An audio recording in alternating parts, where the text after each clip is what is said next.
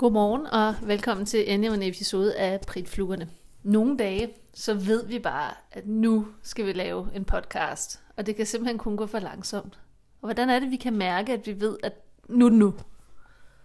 Ja, det er jo nok, når vi råber ordet pritfluge øh, helt spontant, og siger, nu er, vi, nu er vi nødt til at gøre det.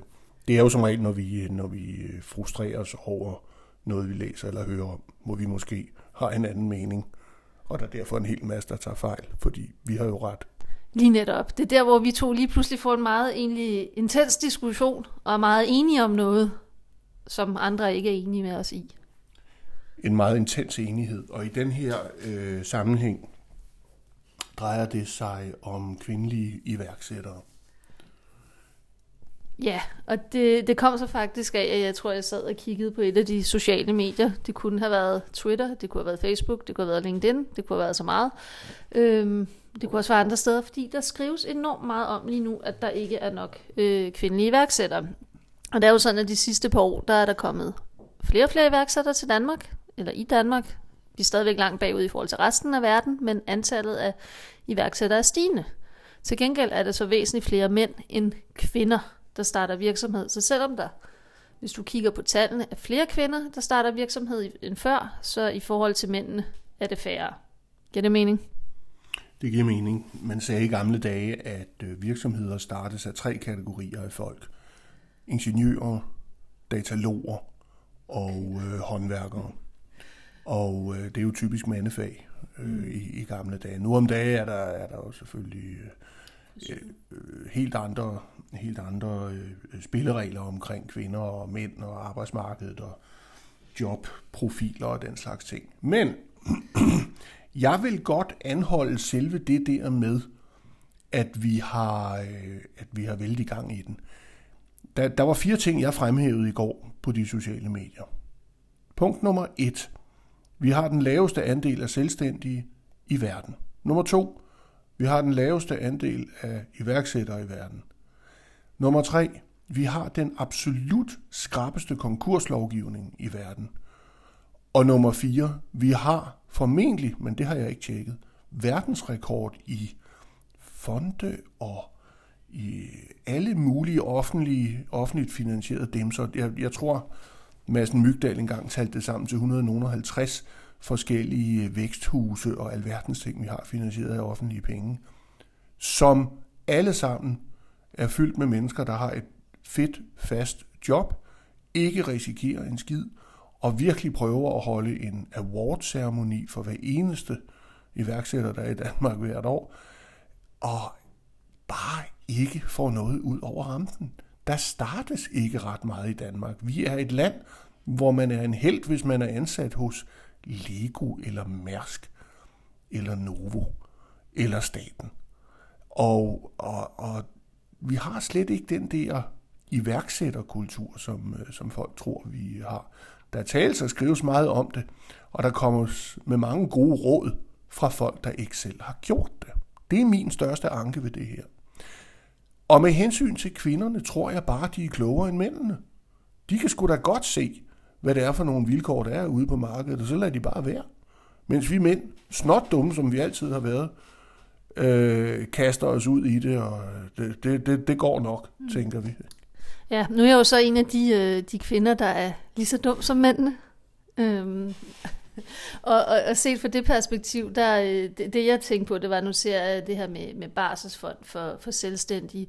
Og det er jo selvfølgelig rart, at man hvad hedder det, får nogle flere muligheder som kvinde og selvstændig og alt det der. Men der, der, der er flere ting, jeg tænker på, hvor jeg tænker, det ikke er afgørende for, om vi får flere kvindelige iværksættere, om der er nogle andre barselsregler eller ej.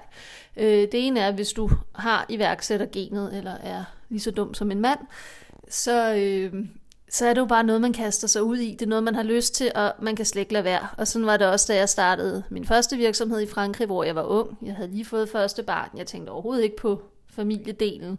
Det her var bare spændende, det var noget, jeg ville, det var sjovt, og det kunne kun gå for langsomt. Og i Frankrig var der i hvert fald endnu ringere barselsmuligheder end her. Jeg tror, det var to måneder efter fødslen, øh, man fik, og så var det ligesom det. Så, øh, og det var i hvert fald overhovedet ikke noget, der, øh, der blokerede mig. Og nu har jeg jo så også interviewet øh, en masse kvinder øh, til min bog, som jeg skrev for et par år siden om at være mor selvstændig. Og øh, de havde meget forskellige, kan man sige, familieomstændigheder. Nogle havde fem børn, nogle var fraskilte. Øh, der, der var lidt af hvert. Nogle var højgravide og ude at søge millioner øh, til deres tech-virksomheder og lykkedes med det.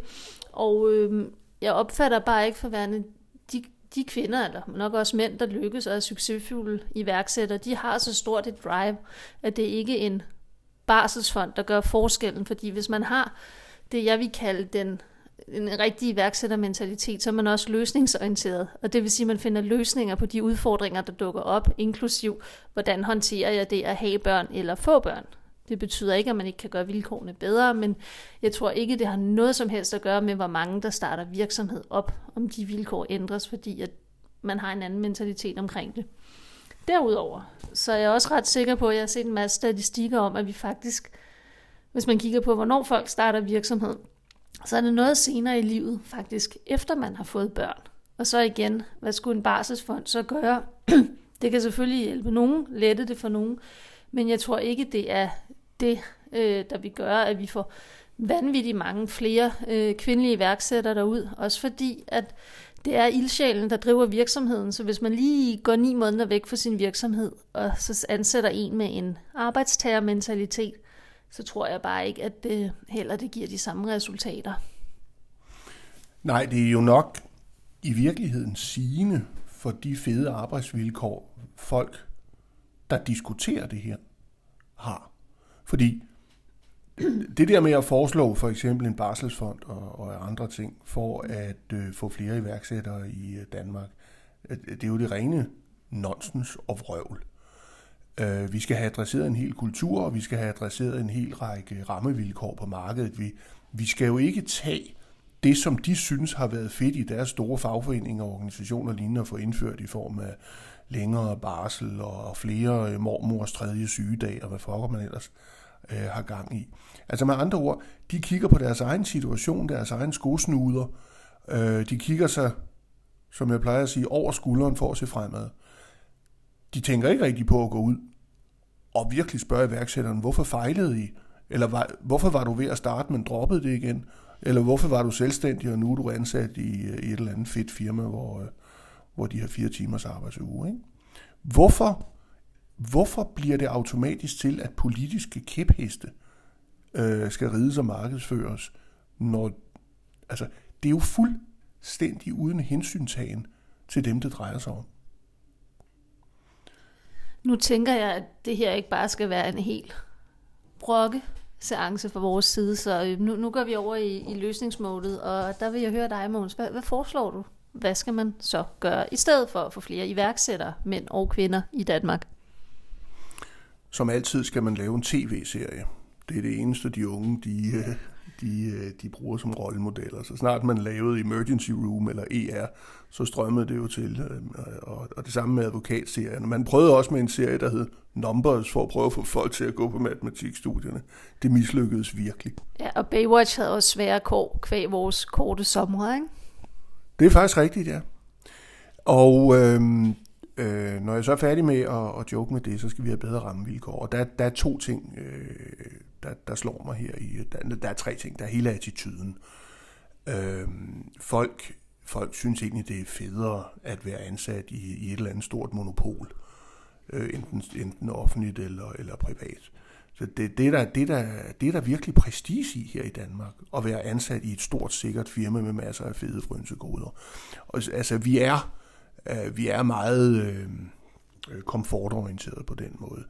Det ved jeg ikke, om vi nogensinde kan adressere. Blandt andet fordi venstreorienterede partier og fagforeninger er inderligt, inderlige modstandere af selvstændige og meget små virksomheder. For dem kan de ikke styre, og de kan ikke øh, øh hvad hedder det, nationalisere dem og gøre alt det der. Man hører aldrig venstrefløjen tale venligt om iværksættere eller iværksætter rammevilkår og lignende. Så vi starter med at have utrolig mange offentligt ansatte utrolig mange øh, private ansatte i fede bikse, og utrolig mange på fede vilkår ansat i 150 væksthus og alt muligt andet, som overhovedet ikke er interesseret i, at øh, Danmark bliver et land, hvor det, øh, hvor det egentlig virkelig kan betale sig at være iværksætter. Jeg kommer lige til at afbryde dig, fordi jeg kom lige i tanke om noget, der også overrasker mig, nu du siger væksthuste, for jeg talte på et tidspunkt med en kvindelig rådgiver for øh, Væksthus Hovedstaden, som sidder herinde på Østerbro, og hvor vi, vi snakkede om det med kvindelige iværksættere at gøre noget, og hvor hun øh, hun var sådan ret hård og direkte og klar i spyttet, og i bund og grund, så i hendes optik, øh, sådan set fra et eller andet nationaløkonomisk socialt perspektiv, så var de kvindelige iværksættere faktisk et problem, fordi vi lavede bare små virksomheder, hvor der kun var os selv, øh, så vi hjalp ikke med at få folk i arbejde, vi hjalp ikke med at få handicappede eller folk på forskellige ydelser i arbejde, og øh, vi var slet ikke øh, altså ambitiøse nok, så det var bare ikke interessant. Mændene var interessante, de laver større virksomheder, de ansætter, de kan løfte en masse socialt. Øhm, og hvor jeg i min naivitet tænkte, nå jo, men bare det, jeg vil selv skaber et arbejde, så jeg ikke skal have ydelser for samfundet og sådan noget, det burde jo være et plus, men det var det så i hvert fald ikke. Hun var, øh, hun var meget hård og kontant, og de der små kvindelige virksomheder havde i hvert fald ingen interesse. Det var kun noget, hvor man skulle ville erobre verden. Og der øh, er der i hvert fald nok fra start af flere mænd, der vil erobre verden end kvinder. Det tror jeg også. Øhm, jeg har tit, jeg har tit øh, undret mig også over, at kvindelige iværksættere dybest set forblev øh, den eneste ansat i virksomheden, eller måske blev der ansat en til. Men, øh, men når man kigger på, hvad det egentlig er, kvinderne skal til at hænge sammen, som du også så rigtigt beskriver i, øh, i din bog og din foredrag, så kan man jo godt forstå det. Men altså, Øh, attituden, kulturen er bare en lønmodtagerkultur af den, på den helt store klinge her i Danmark. Den anden ting er, at vi mangler venturekapital. Vi kan jo ikke lide rige mennesker. Øhm, og, og, og derfor øh, er der også en tendens til, at øh, vi ikke har noget venturekapital i Danmark overhovedet. Altså tage til Stockholm, Berlin, øh, London, øh, San Francisco, så er det et helt andet ballgame. Jeg tror, jeg for 10 år siden så nogle tal om, at øh, øh, vækst et eller andet, og hvad pokker de hedder, alle de der offentlige dimser, havde støttet måske tre øh, danske virksomheder med nogle væsentlige millionbeløb på et år. Og i Silicon Valley med 8 millioner indbyggere, der var det 233.000 virksomheder, der havde fået store beløb. Ikke? Altså venturekapital, det har vi jo ikke, når vi ikke kan lide rige mennesker. Plus når folk endelig så øh, scorer kassen og og sælger deres fars fabrik for 300 millioner kroner, så lægger de sig bare til at sove og nyde livet. De går ikke ud og risikerer den, eller tænker, at de skal give noget tilbage. Øh, også fordi vi har jo øh, et velfærdssamfund. Og den tredje ting er øh, konkurslovgivningen, hvor Rigsadvokaturen eller advokatfirmaet Paul Schmidt enhændigt, uden politikernes godkendelse, uden noget som helst, har indført for eksempel, at hvis man går konkurs med en virksomhed, mens man har gæld til det offentlige, så får man helt automatisk, uden noget som helst form for, øh, for mulighed for at indsige noget, øh, konkurskarantæne i tre år, hvor man ikke må starte virksomhed, ikke må være i ledelsen af virksomhed, og hvor det er tvivlsomt, men det er ikke afgjort endnu, om man overhovedet må være i en bestyrelse. Altså, den form for attitude, øh, hvor jeg jo, når jeg spørger Jarlov og andre på Twitter, hvorfor har I gjort det? Hvorfor skete det på jeres vagt? Og vil I ikke gøre noget ved det? Så er det det eneste, de ikke svarer på på Twitter. Jeg kan ikke få noget svar fra nogen på det her. Så altså, kultur, kulturen, øh, venturekapitalen, og, øh, og så lige det der med, at hvis du går på røven med dit firma, så er det jo ikke noget med, at du bliver rost for at have gjort det et par gange, hvis du bor i London, og hvis du har gjort det en 3-4 gange, bliver rost i San Francisco, og faktisk kun bliver taget seriøst, hvis du har prøvet at fejle. Nej, du bliver forfulgt resten af dit liv, og folk griner lidt af dig, fordi det kunne du da have sagt dig selv at det ville gå galt. Ikke? Og det er jo lidt den der både lidt nulfejlskultur og lidt jantelov og sådan noget, der gør det svært. Men jeg tror også, du har meget ret i det med, med komfortkulturen, for jeg tænker også på herhjemme, der er vi jo vant til at øh, få tingene serveret på et sølvfad, og på den ene side, øh, så er det jo selvfølgelig rigtig rart, og det gør, at man har flere bekymringer, det giver nogle muligheder for mange, men jeg tror også bare, det gør, når vi altså forventer, med, at nu skal jeg tage en uddannelse, det skal jeg have penge for. Hvor i andre lande, der er en uddannelse sgu noget, man kæmper for at få, man betaler for at få det, og, øh, og det gør også bare, at jeg tror, man sætter mere pris på det, man får, i stedet for bare at tage det hele for givet og sige, nu har jeg så fået en masse penge for at tage en uddannelse, så forventer jeg også, at jeg får en eller anden fed hyre, fordi nu har jeg taget den her uddannelse, jeg er blevet betalt for at tage. Og man har stadigvæk ikke noget reel erhvervserfaring. Øh, så jeg tror helt klart, der er noget, noget kulturelt, der gør det svært at, at rokke ved. Øh, og det er også der, altså apropos komforten, at jeg kan se det i forhold til, når man kigger på statistikker fra andre lande, hvor der er mange kvindelige iværksættere, øh, og hvor jeg var overrasket over i mange øh, ulande, fattige lande, at der er 80 procent kvindelige selvstændige, hvor jeg tænkte, wow, og hvorfor er der det der, når vi ikke gør det her? Men det er jo fordi, vi har det godt. Og det vil sige, så skal vi virkelig langt ud af vores comfort zone for at sætte hele ens private økonomi på styr for, over styr for at, at starte en virksomhed. Hvor man kan sige, hvis man er i et land, hvor at det eneste andet alternativ er prostitution, så er det ret nemt at kaste sig over det at blive selvstændig. Det er meget mere interessant. Så jeg tror, at uden at vi skal have helt så barske kår i Danmark på nogen måde, øh, og selvfølgelig skal altså ønsker jeg jo også, at dem, der har det svært, skal have hjælp, men jeg tror for det store flertal, så, så bliver det virkelig en sovepude af dimensioner, og jeg tror heller ikke rigtigt, det gør os lykkelige, at vi bliver bare enormt tryghedssøgende, og så ligesom sidder fast i det, i stedet for at gøre det, man reelt har lyst til, og måske synes kunne være sjovt. Da vi startede Mirakel i 2000 med øh, otte mand øh, fra starten af, der, øh, der var der mange øh, tidligere kolleger fra Orakel, som sagde, ikke til mit ansigt, men sådan sagde rundt omkring, ah, at de bliver aldrig mere end højst 12 mand, og det, det vil ikke lykkes. Og det ene og det andet og tredje. Så baserede vi 20, så baserede vi 30. Så begyndte folk at sige, nu skal I gøre det til et rigtigt firma, nu er I nødt til at have alle mulige øh, øh, afdelinger osv. Så Sådan gik det jo derud af. Og, øh, jeg opdagede, at vi, vi egentlig var ret seje i andres øjne, så længe vi var færre end 20 ansatte. Men hold da op, da vi passerede den 20-30 ansatte, så var holdningen, ja ja, det kan du sagtens sige, du har jo dit på det tørre, og du kan jo trække alting fra. Og den der, de der myter med, at jamen, de trækker bare alting fra, og de går bare og hygger sig og tager, tager høje priser, frem for virkeligheden, som er, at man hver eneste dag risikerer at træffe en beslutning, der lægger firmaet ned. Ikke? Eller en stor offentlig kunde ringer og siger, det har været hyggeligt at forhandle med jer i 18 måneder i forskellige udvalg, men øh, vi vil ikke alligevel. Øhm, eller et eller andet, øh, et eller andet øh, ski-tilbud, man har arbejdet på i fem måneder og brugt en million på. Der bliver det forkastet, eller, eller skal gå op, eller sådan noget. Øhm, og når man så, tror jeg, vi nåede det ikke, men når man så passerer et, et par tusind ansatte, så bliver man en held igen. Men i det, der, i det der tidsrum mellem 20 og 2000, eller hvor meget tallet nu er, der er man en værre en i danskernes øjne. Der er man faktisk ikke rigtig noget, der, der de gider snakke med til middagsselskaberne. Mm. Men hvis man øh, er kontorchef i Miljøstyrelsen eller et eller andet andet, så skal de sgu nok snakke med en. Ikke? Så, så vi har vi har et problem med, hvordan vi opfatter øh, selvstændige og iværksættere og små virksomheder i Danmark. Og med disse ord, så øh, afslutter vi dagens episode af Pritflungerne.